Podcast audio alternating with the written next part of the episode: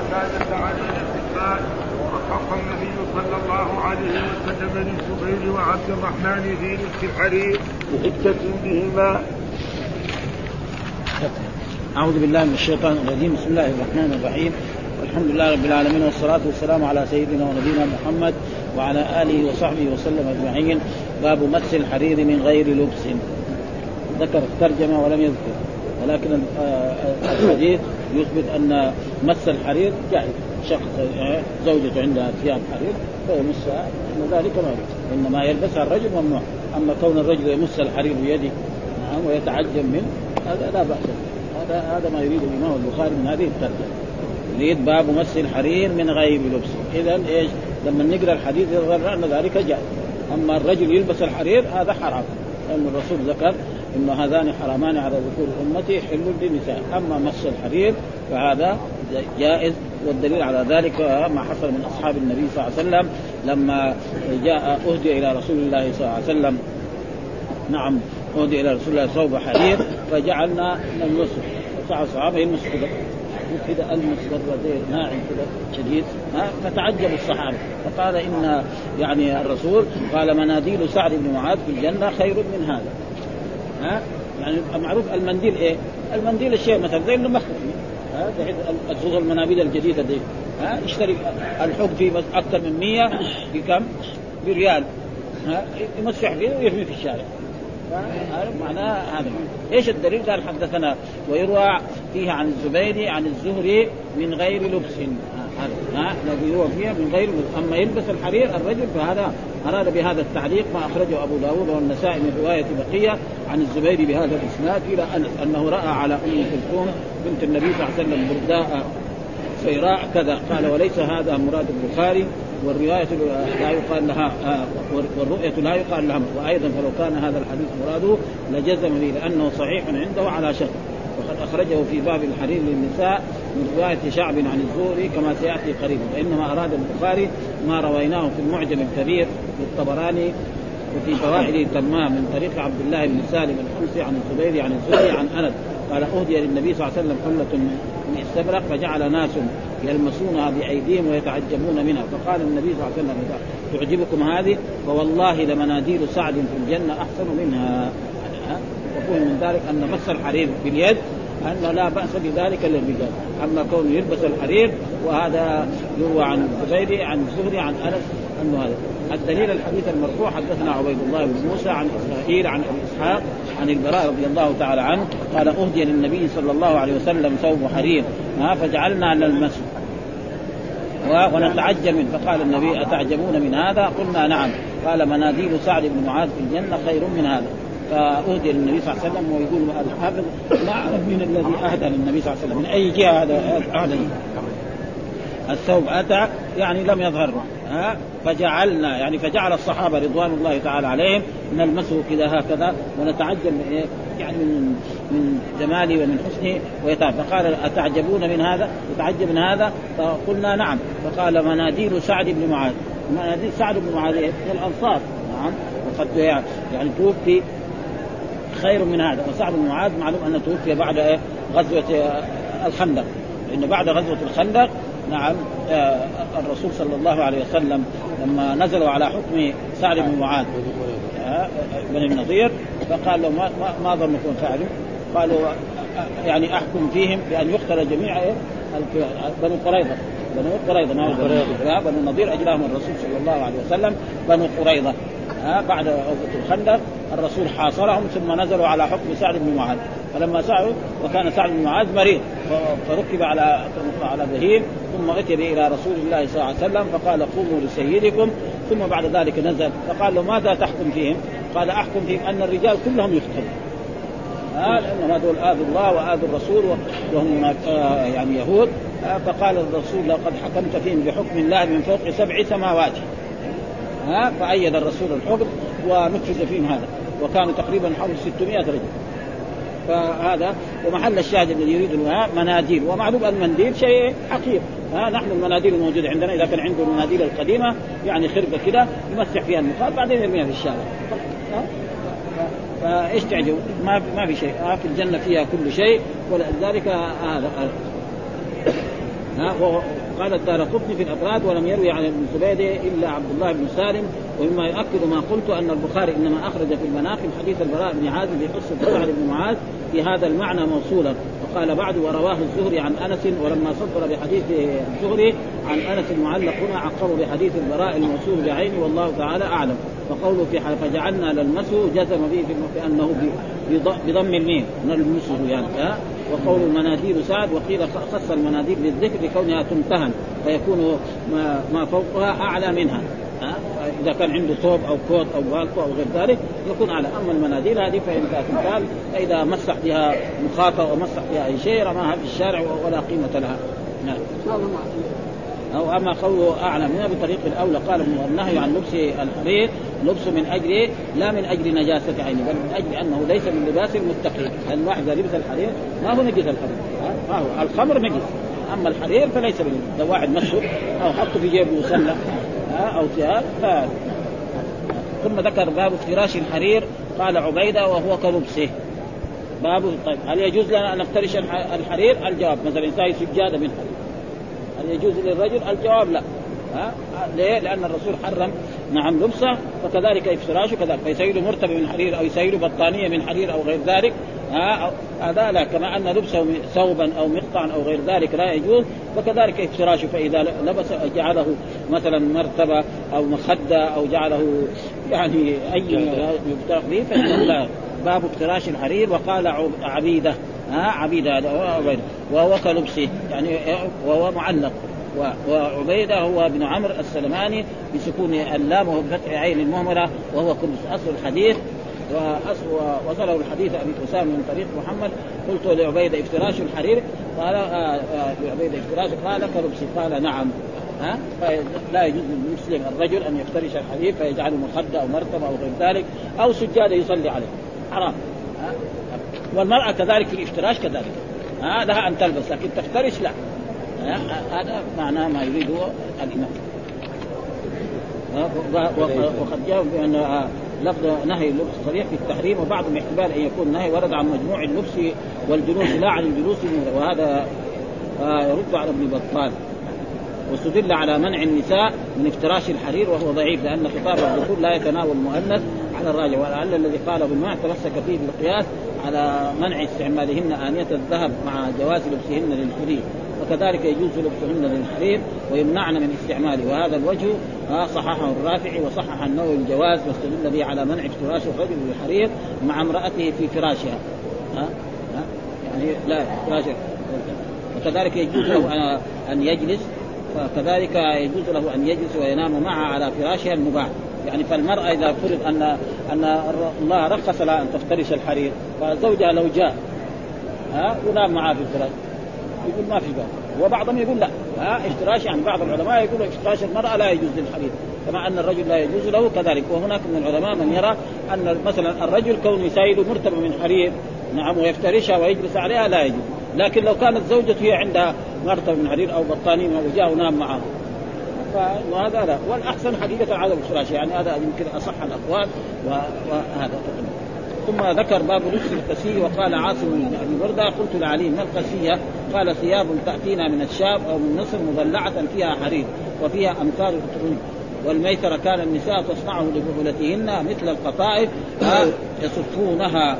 وقال جرير عن يزيد في حديث القسية ثياب مضلعة يجاء بها من مصر فيها الحرير.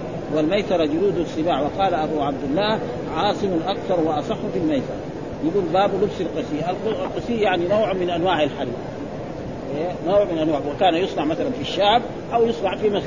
ومعلوم الشام ومصر يعني أكثر من الاحداث في عهد رسول الله صلى الله عليه وسلم عنده من المدنية وعنده من الحضارة. أكثر من غيرهم. فلذلك كانت ترسل من هناك وتأتي إلى المدينة فتباع أو يشتريها إنسان أو تهدى إليه. فهذا معناه القسي يعني لا يجوز. وقال عاصم قلت لعلي قال ثياب تأتينا من الشام؟ يعني فيها شيء من الحرير أو من مصر مضلعة. مضلعة معناه فيها أعلام. ها زي البطاطين وزي هذه الأشياء التي إيه المعروفة. هذه معناها مضلعة فيها. وفيها أمثال يعني فيها زي الصور كذا صور زي يعني الزهرة أو شيء من الوردة أو غير ذلك. هذا وكان وكانت النساء هذا المثل وكانت النساء تصنعه لبعولتهن يعني إيش معناه؟ كناية عن مخدة. أو مثلا إنسان عنده فرس إذا ركب وحط السرج يحط عليه هذا. المعسره إيه؟ ها معروف إنه ناس ذاك الوقت أعظم شيء دحين عصرنا سيارة. الناس العظماء والكبار والناس الأغنياء عندهم سيارات. الناس الأولين في عهد رسول الله صلى الله عليه وسلم مثلا أو بعد الرسول يعني ها؟ يعني مثلا في الدولة الأموية. ما عندهم سيارات. فعنده مثلا فرس. الفرس هذا يحط عليه السرج ويجيب له كذلك زي كذا قطعة من هذا بطنه وفيها شيء من القطن وتوضع فوق السرد فيركبها الشخص العظيم هذا. ها اميرا أو حاكما أو غير ذلك فهذا معناه أو مثلا النساء يصنعونها ويجعلها مثلا مرتبة خاصة للزوج. ها؟ الزوج إذا دخل محله هناك تكون فيها يعني فرق بين إيه؟ بين مجلس مجلس الزوج ومجلس غيره. ومعروف أنه كما جاء في الأحاديث هذا معناه المجلس يصفونها ها؟ يعني يصفونها. وقال جرير آه، عن يزيد آه، في حديثه القصية ثياب مضلعة يجاء بها من مصر فيها الحرير والميسرة جلود السباع. يقول الميسرة فيها جلود السباع قال النووي هو تفسير باطل مخالف لما أطلق عليه آه. وليس هو بباطل يقول الحافظ بل يكون آه، له توجيه ها؟ وهو ما إذا كانت الميسرة وطاء، الميسرة تكون وطاء مثلا تحط مخدة أو مرتبة صغيرة، في بعض الناس قبل لا تجي الكنب تجد بعض الناس عنده مرتبة صغيرة يجلس عليها، رايناها يعني؟ مثلا أشياء في المدارس القديمة المدارس القديمة والكتاتيب للشيخ له مرتبة صغيرة يحطوها ويجلس عليه والناس الثانيين يجلسوا أمامه إما على حصير وإما على حنبل وإلا على فهذا معناه الميسر. وهنا ذكر يعني تفسير لهذا نحن نقرأها عشان إيه نستفيد. يقول يقول باب باب لبس القسي القسي بفتح القاف وتشديد المهمله بعدها ياء نسبة ها ذكر أبو عبيد في غريب الحديث أن أهل الحديث يقولون بكسر القاف قسيه ها وأهل مصر يفتحون وهي نسبة إلى بلد يقال لها القس ها رأيتها ولم يعرفها الأصبع وكذا قال الأكثر هي نسبة للقس. قرية بمصر منها الطبري وابن سيد وقال الحازم هي من بلاد الساحل. وقال والساحل موجود في مصر موجود على ساحل وهي حصن بالقرب من القرماء من جهة الشام. وكذا وقع في حديث ابن وهب أنها على القرماء والقرماء بالفاء وراء وراء مفتوحة وقال هي بقرب تنيس وهي متقارب. وحكى أبو عبيد الهروي عن شمر اللغة أنها بالزاي ها القزي يعني بدل السين. بالسين وهو الحرير. وابدلت الزاي سينا وحكم ابن الأثير في النهاية أن القسيع الذي نسب إليه هو الصقيع سمي بذلك لبياضه. ها زي إيه؟ زي الثلج الثلج إيه؟ أبيض. ها ليه سمي قسي يقول لأنه يشبه إيه؟ الصقيع يشبه الثلج ها يعني حرير أبيض جدا. معلوم الحرير الأبيض يكون غالي جدا ويكون ثمين. هذا ما ما يريده وهو الذي وهذا هو الذي قبله لم يعرف القسيم وقال عاصم عن برده قلنا لعلي ما القسية هذا طرف من حديث وصله مسلم عن طريق عبد الله بن زيد سمعت كريب عن قال نهانا رسول الله عن لبس القسي وعن المياسر هذا محل الشاهد. ها؟ اذا القسي إيه؟ من الحرير. نوع من أنواع الحرير. فيقول نهانا رسول الله عن لبس القسي وعن فأما القسي فثياب مضلعة لكن من إيه؟ من حرير. أما إذا كانت ثياب غير مض... يعني من صوف أو من كتان أو من قطن ما هو ممنوع مثل الثياب اللي يلبسها دحين الرجال في أيام الشتاء فإنها مضلعة وفيها خطوط فإنها ليست فيها أما إذا كانت حرير فهذا فيه إيه نهي من رسول الله صلى الله عليه وسلم للرجال أن يلبسوها وأخرج مسلم من وجه آخر عن النهي عن لبس الكسي ولكن ليس فيه تفسير ثياب تأتينا من الشام أو من مصر وفي رواية مسلم مصر والشام مضلعة فيها حرير.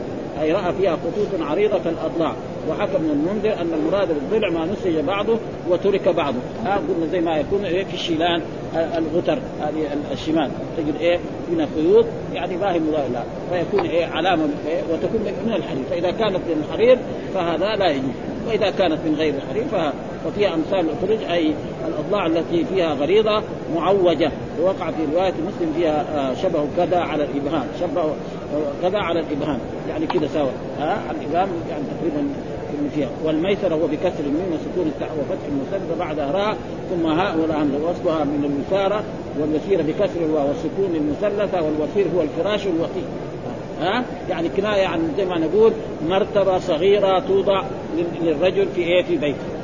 ها؟ أو مرتبة صغيرة بعد ما يركب الفرس بعد ما يحط السرج على الفرس أو على البعير تحط هذا ويركبها الرجل الكبير العظيم مثلا الوزير أو الحاكم أو غير ذلك أو الرجل الغني هذا كان في الزمن السابق. الآن مثلا عصرنا هذا يعني الناس الكبار يلبسوا يركبون السيارات والسيارات لها حكم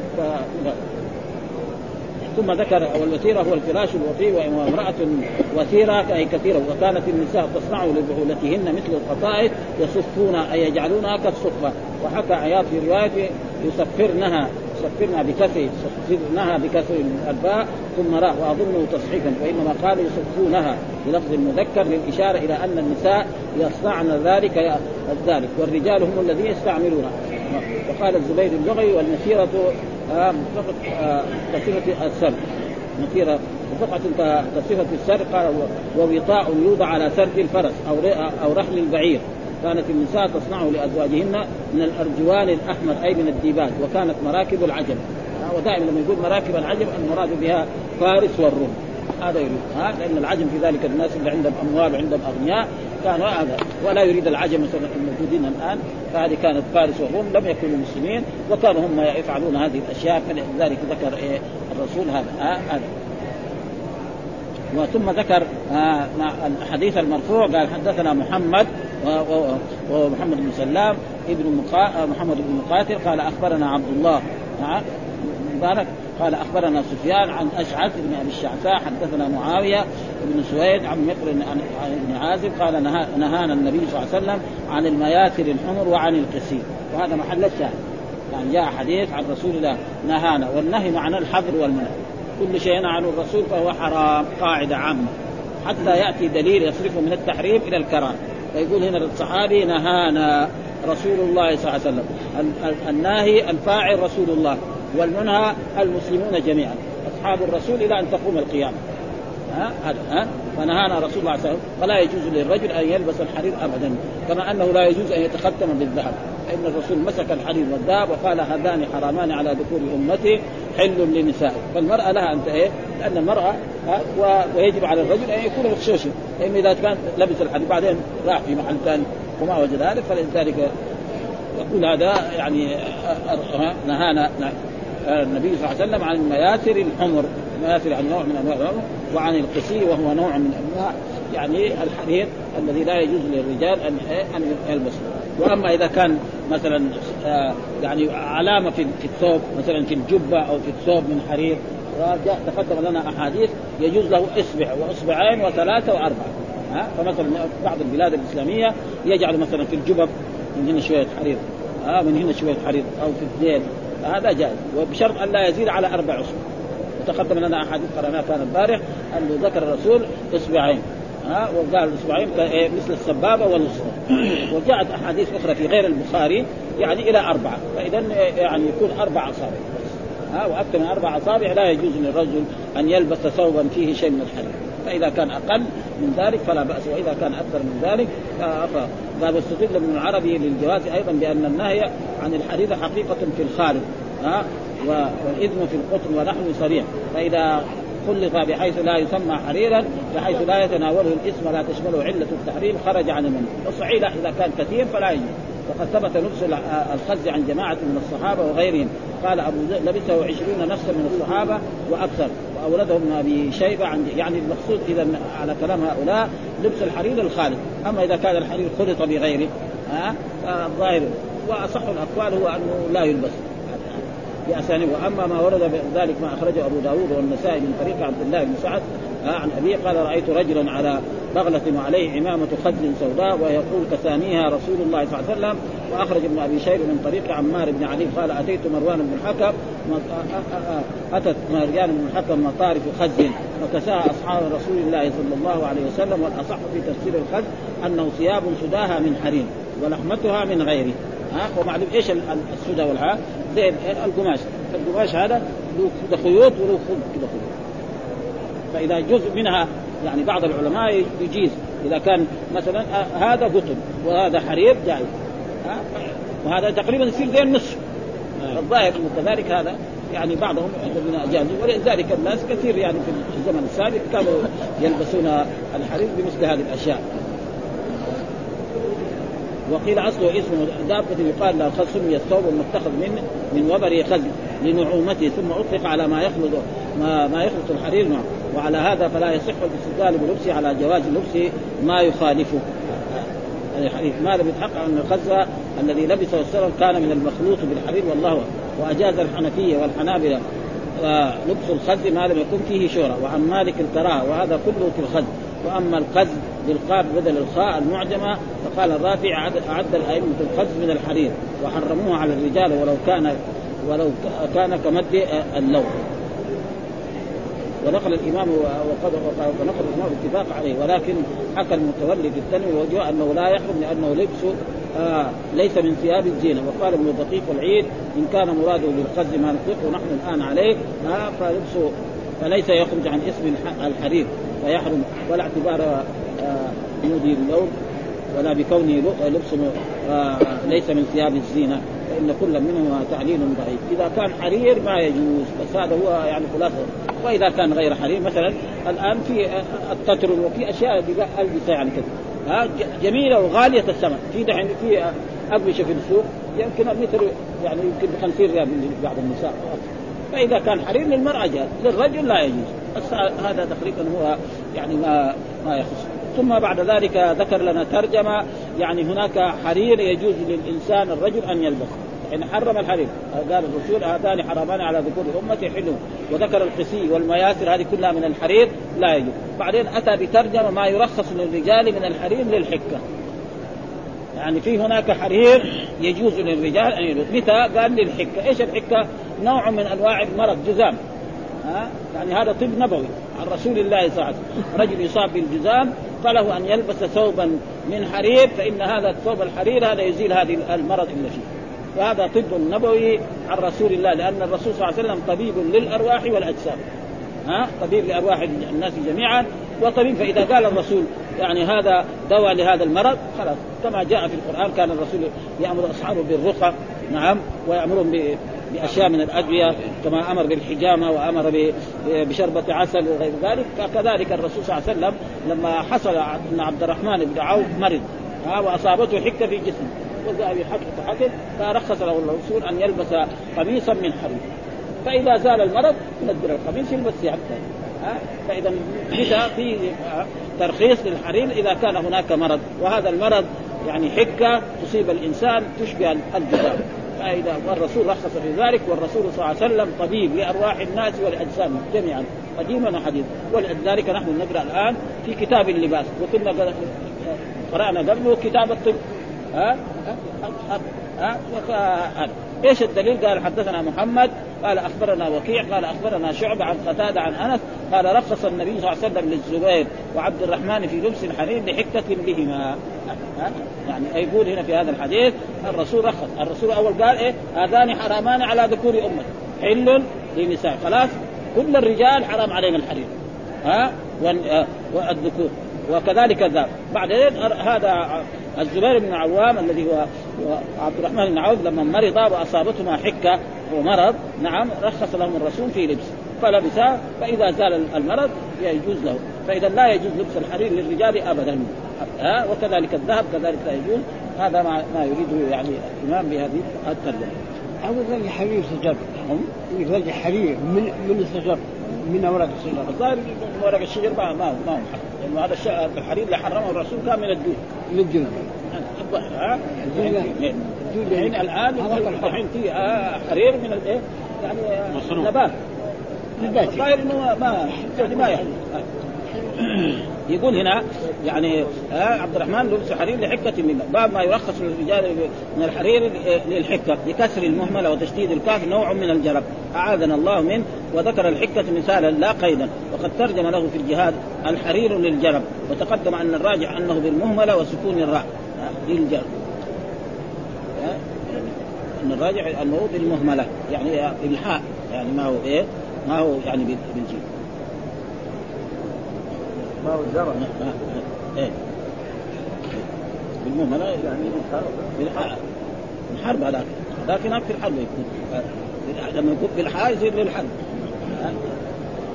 يفضل أن الراجع انه بالمهمله وسكون الراء. حدثنا محمد هذا للأكثر غير واحد أنس. قال آه قال تقدم في الجهاد. قول الزبير وعبد التيموس أي لأجل الحكة. وفي رواية سعد عن قتادة من حكة كانت بهما. وفي رواية همام عن قتادة أنهما شكيا على النبي صلى الله عليه وسلم القمر وقد تقدمتا في الجهاد. وكان وكأن الحكة آه، نشأت من من أثر القمل وتقدم الباحث في كتاب الجهاد. وقال فيه دلالة على أن النهي عن لبس الحريم لا يدخل فيه من كانت به علة يخفيها ها ها فيها لبس لبس الحرير. انتهى يخففها يخففها. يخففها. لبس الحرير. يخففها لبس الحرير انتهى ويلتحق بذلك ما بقي من من الحر ما بقي من الحر أو البرد حيث لا يوجد غيره. فإذا كان لا يوجد غيره فالضرورات لها حكم. وقد تقدم الجهاد أن بعض الشافعية خص الجواز بالسفر دون الحضر. وهذا لا ما في دليل يعني.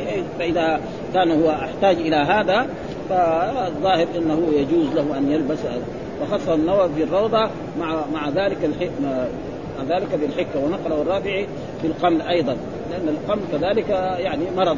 ووقع في الوسيط عن الغزالي أن الذي رخص في لبس الحرير حمزة بن عبد المطلب. وغلطوه في وجه للشافعيه أن الرخصة خاصة بالزبير وعبد الرحمن. لا ها؟ دائما الرسول إذا رخص لانسان فهي عامة لجميع المسلمين. بعد يجي فلسفة من العلماء يقول لا بس الرس... آه عبد الرحمن بن عوف والزبير بن العواد. لما مرض لهم أن يلبسوا الحرير. أما واحد مسلم آخر غيرهم أبو بكر أو عمر أو عثمان أو واحد في عصرنا هذا ليس له. هذا تقريبا ما في دليل على هذا ها؟ والصحيح أنه أي إنسان مريض سواء قديما أو حديثا فإذا وجد هذا أنه طب نبوي واستعمله وإذا راح كذلك الان الأطباء الموجودين وأعطوا له دواء وعلاج آخر فلا بأس بذلك. ثم ذكر باب الحرير للنساء. ها دحين أول آه، جاب الأحاديث التي تثبت أن الحرير للرجال حرام ولا يجوز وأنه لا يجوز لبس الحرير للرجال إلا إذا كان من حكة وهو إذا أصيب بالجرب أو في الحرب. ها فالآن يبغى يأتي بأحاديث عن رسول الله أن الرسول رخص لإيه؟ للنساء بالحرير. وهذا حديث موجود. أن الرسول أخذ الذهب والحرير وقال هذان حرامان على ذكور أمتي حل للنساء. ها؟ وان المراه لها أن تلبس لأن المرأة تتجمل لزوجها. والحرير والذهب هذه من الأشياء المجملة. فلا أما الرجل لازم يخشوشي لأن هذه الأشياء لابد ما يدوب لأنه كثير من الرجال يكون عنده مال بعد ذلك يفتقر. أو يروح في محل ما يجد هذه الأشياء. ها فلذلك هذا باب الحرير لأن باب إيه؟ إباحة الحرير للنساء. هذا كذا يعني الترجمة. يعني كأن الإمام البخاري يقول باب إباحة الحرير للنساء. إيش الدليل؟ قال حدثنا سليمان بن حرب قال حدثنا شعبة وحدثنا محمد بن بشار حدثنا غندر حدثنا شعبة عن عبد الملك بن ميسر عن زيد بن وهب عن علي بن أبي طالب قال كساني النبي صلى الله عليه وسلم حلة سيراء فخرجت فيها فرأيت الغضب في وجهي فشققتها بين نسائي. ها؟ يقول ان أن الرسول صلوات الله وسلامه عليه أهدى لعلي بن أبي طالب يعني حلة سيراء والحلة في اللغة العربية معناه الإزار والرداء. ها؟ هذا معناه في اللغة العربية. إذا قال فلان لبس حلة معناه إزار ورداء. يعني إزار من تحت الفوطه ورداء. من فوق فالرسول أهدى لعلي بن أبي طالب يعني حلة وهي إزار ورداء فلبسها علي بن أبي طالب وأتى إلى رسول الله صلى الله عليه وسلم. فرأى الغضب من رسول الله إنها حرير والحرير ممنوع للرجال. ها؟ فلما هذا فقام فيه من الرسول قال فشققتها بين نسائي. نسائي معناه فاطمة بنت رسول الله صلى الله عليه وسلم. وفاطمة بنت أسد أمه. وشوف كمان في فاطمة ثانية يمكن الآخر ها؟ يعني جاء في حديث نص. أنها قسمها بين فاطمة بنت رسول الله التي هي زوجته ها؟ وفاطمة بنت أسد أم علي بن أبي طالب. وهي مدفونه هنا في المدينة. ها؟ ها؟ ها؟ ها؟ ها؟ ها؟ هذا؟ بينك نسائي. ها؟ فشققتها بين النساء. وهما الفواطم. جاء في بعض الروايات كمان يقول فقسمتها بين الفواطم. فواطم ثلاثة. هذا لأن الجمع عنده وقد يطلق مرة الجمع على إيه؟ على ثم ذكر حدثنا موسى بن إسماعيل قال حدثني الجويري عن نافع عن عبد الله بن عمر أن عمر رضي الله تعالى عنه رأى حله سيراء ما تباع. فقال يا رسول الله ابتعتها تلبسها للوفد إذا أتوك والجمعه قال إنما يلبس هذه من لا خلاق له. وإن النبي صلى الله عليه وسلم بعث بعد ذلك إلى عمر حلة سيراء حريرا كساها إياه فقال عمر كسوتنيها. ها؟ وقد سمعت تقول فيها ما قلت. فقال إنما بعثتها بها اليك لتبيعها أو تكسوها. برضو كذلك هذا الحديث عن عمر بن الخطاب ان أن عمر بن الخطاب رضي الله تعالى عنه رأى حلة سيراء تباع. يعني رأى في هذه المدينة حلة والتي هي حلة وهي الازار والرداء كما قلنا ثم بعد ذلك تباع. فقال يا رسول الله اشتريتها هذه عشان تلبسها يوم الجمعة. ترفع المنبر وتخطب الناس. وإذا جاءك وفود نعم من نجد أو من أي بلاد تلبسها فإن اللبس الطيب للرئيس هذا شيء يعني ممدوح. ها فقال الرسول صلى الله عليه وسلم يعني إنما يلبس هذه من لا خلاق له. يعني من لا نصيب له في الآخرة لأنه حرام الحرير. ها وأما لو كان لباس طيب جبة أو مقدح أو غير ذلك فإن هذا لا. والنبي صلى الله عليه وسلم بعث بعد ذلك إلى عمر حله ها سيراء برضها من إيه؟ من كساها اياه يعني آخر أرسل الرسول إلى عمر بن الخطاب انه سيراء يعني من من حرير. فقال عمر كسوتنيها وقد سمعتك تقول فيها ما قلت. أنا سمعتك ذيك المره قلت لك اشتري هذه الحلة عشان تلبسها في الجمعة وتلبسها إذا جاءك الوفود وقلت هذا الكلام. فترسلها إيش اسيبها حريقه من نار يعني قال لا. ها؟ تكسوها تبيعها ها؟ فاذا بيتها تسوى مثلا إذا بعتها وأخذت ثمنها تستفيد أو تكسوها نساء مثل ما فعل علي بن أبي طالب رضي الله تعالى عنه. ها؟ في عندك زوجة تعطيها بنتك تعطيها. ها زوجة عبد الله بن عمر تعطيهم من هذا. فهذا لا بأس أما أنت تلبسها لا. ها فهذا ممنوع بالنسبة للحرير. فإذا فهم من ذلك أن النساء يعني الترجمة مطابقة لإيه؟ للحديث. ها لأنه إيه؟ الرسول قال لعلي ما أعطيتك إياها عشان تلبسها. ها تكسوها نساء. فكساها الفواطم فالفواطم هذول نساء. فإذا الحرير جائز للنساء مع الأحاديث المتقدمة التي إيه؟ فيها هذا. وكذلك حدثنا أبو اليمان قال أخبرنا شعيب عن الزهري قال أخبرني أنس بن مالك أنه رأى على أم كلثوم عليه السلام بنت رسول الله برد حرير سيراء ها؟ فأنس بن مالك يقول رأى على أم كلثوم عليها السلام. وأم كلثوم من إيه؟ من بنات رسول الله صلى الله عليه وسلم رأى عليها حلة يعني بنت رسول الله برد حرير سيراء من حرير. ففهم ذلك لما أنس رآها الرسول باب أولى يشوفها. بنت ولا يدخل عليها وهي تيجي تسلم على رسول الله. ولو كان ما يجوز الحرير للنساء كان الرسول ما يخليها. ولا اقلع هذا. فهذا دليل واضح على أنه الحرير يجوز إيه للنساء أن يلبسن الحرير. ها؟ سواء كنا عرائس سواء كنا كبارا أو صغار. وتلبس مثلا زوجها أو أو بين النساء. ولكن تخرج للشارع أو هذا أو تكون مسافر فهذا تقريبا يعني لا يصح. وطول هنا في في في الشرح برضه في هذا الباب. كأنه لم يثبت عنده الحديثان المشهوران في تخصيص النهي بالرجال. هذا يعني لأن في أحاديث أن الرسول أخذ الحرير والذهب وقال هذان حرامان على ذكورهم. كان يجيب هذا أصرح من هذا. لكن يقول لك هذا مو على شرط. البخاري له شروط في صحيحه هذا. ها؟ فالحديث اللي ما يجي على شرطه ما يجيب لأنه شروطه قاسية. ف... ف... وإلا هذا الحديث أصح. والحديث صحيح هو. يعني أخرجه يمكن آه مسلم أو هذا تخصيص الرجال بالرجال صريح. ها اكتفى بما يدل على وقد أخرج أحمد وأصحاب السنن وصعب بن حبان والحاكم من حديث عليه أن النبي صلى الله عليه وسلم أخذ حريرا وذهبا فقال فقال هذان. يعني هذا الحديث الذي فيه هذان حرام على الذكور أمتي حل النساء مين أخرجه؟ أخرجه الإمام أحمد في المسند وأخرجه كذلك أصحاب السنن، أصحاب السنن مين؟ أبو داود الترمذي النسائي ابن ماجه، هذه صحيح هو. لكن ما هو على شرط. ليه؟ لأن الإمام البخاري شرطه لابد أن يكون مثلا لما يقول رواه حدثنا سليمان بن حرب حدثنا شعبة. لازم يثبت عنده أن سليمان بن حرب هذا اجتمع مع شعبة. كذا لازم يكون إيه؟ اجتمع اجتمع في المدينة في مكة في مصر في القاهرة في أي بلد لازم يكون. الباقيين لا بس يكونوا معاصرين لبعض. واحد يكون في الشرق والثاني يكون في الغرب.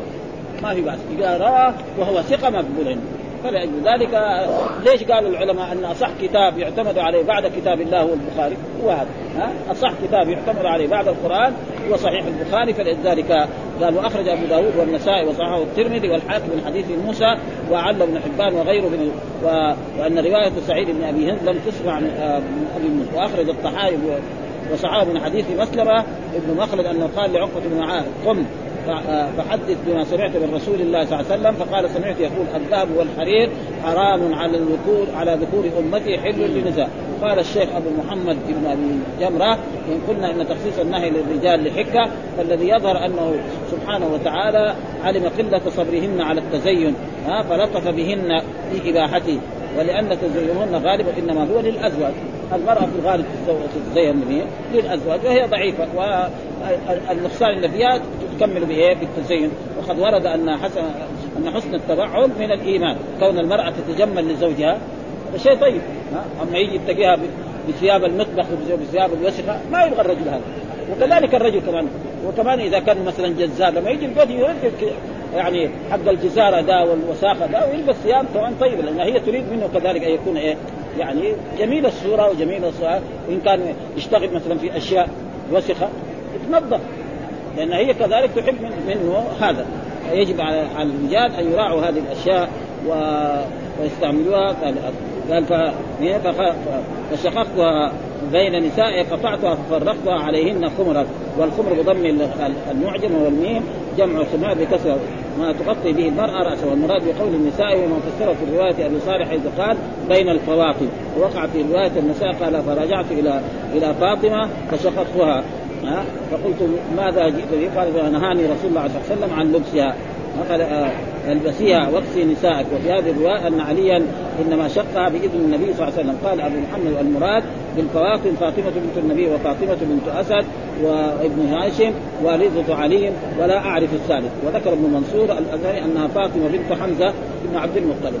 هذول الآية الفواطم اللي اخرج الطحاوي في كتاب الهدايا وعبد الغني في المهات كلهم من طريق الزياد. فعلى كل حال المرأة لها أن تلبس الحديد ولها أن تلبس الذهب وهذا. وهنا كمان في الثاني قال بعثها لتبيع أو تكسوها أي لتصيب بها. إذا باعها يأخذ قيمتها له جائز.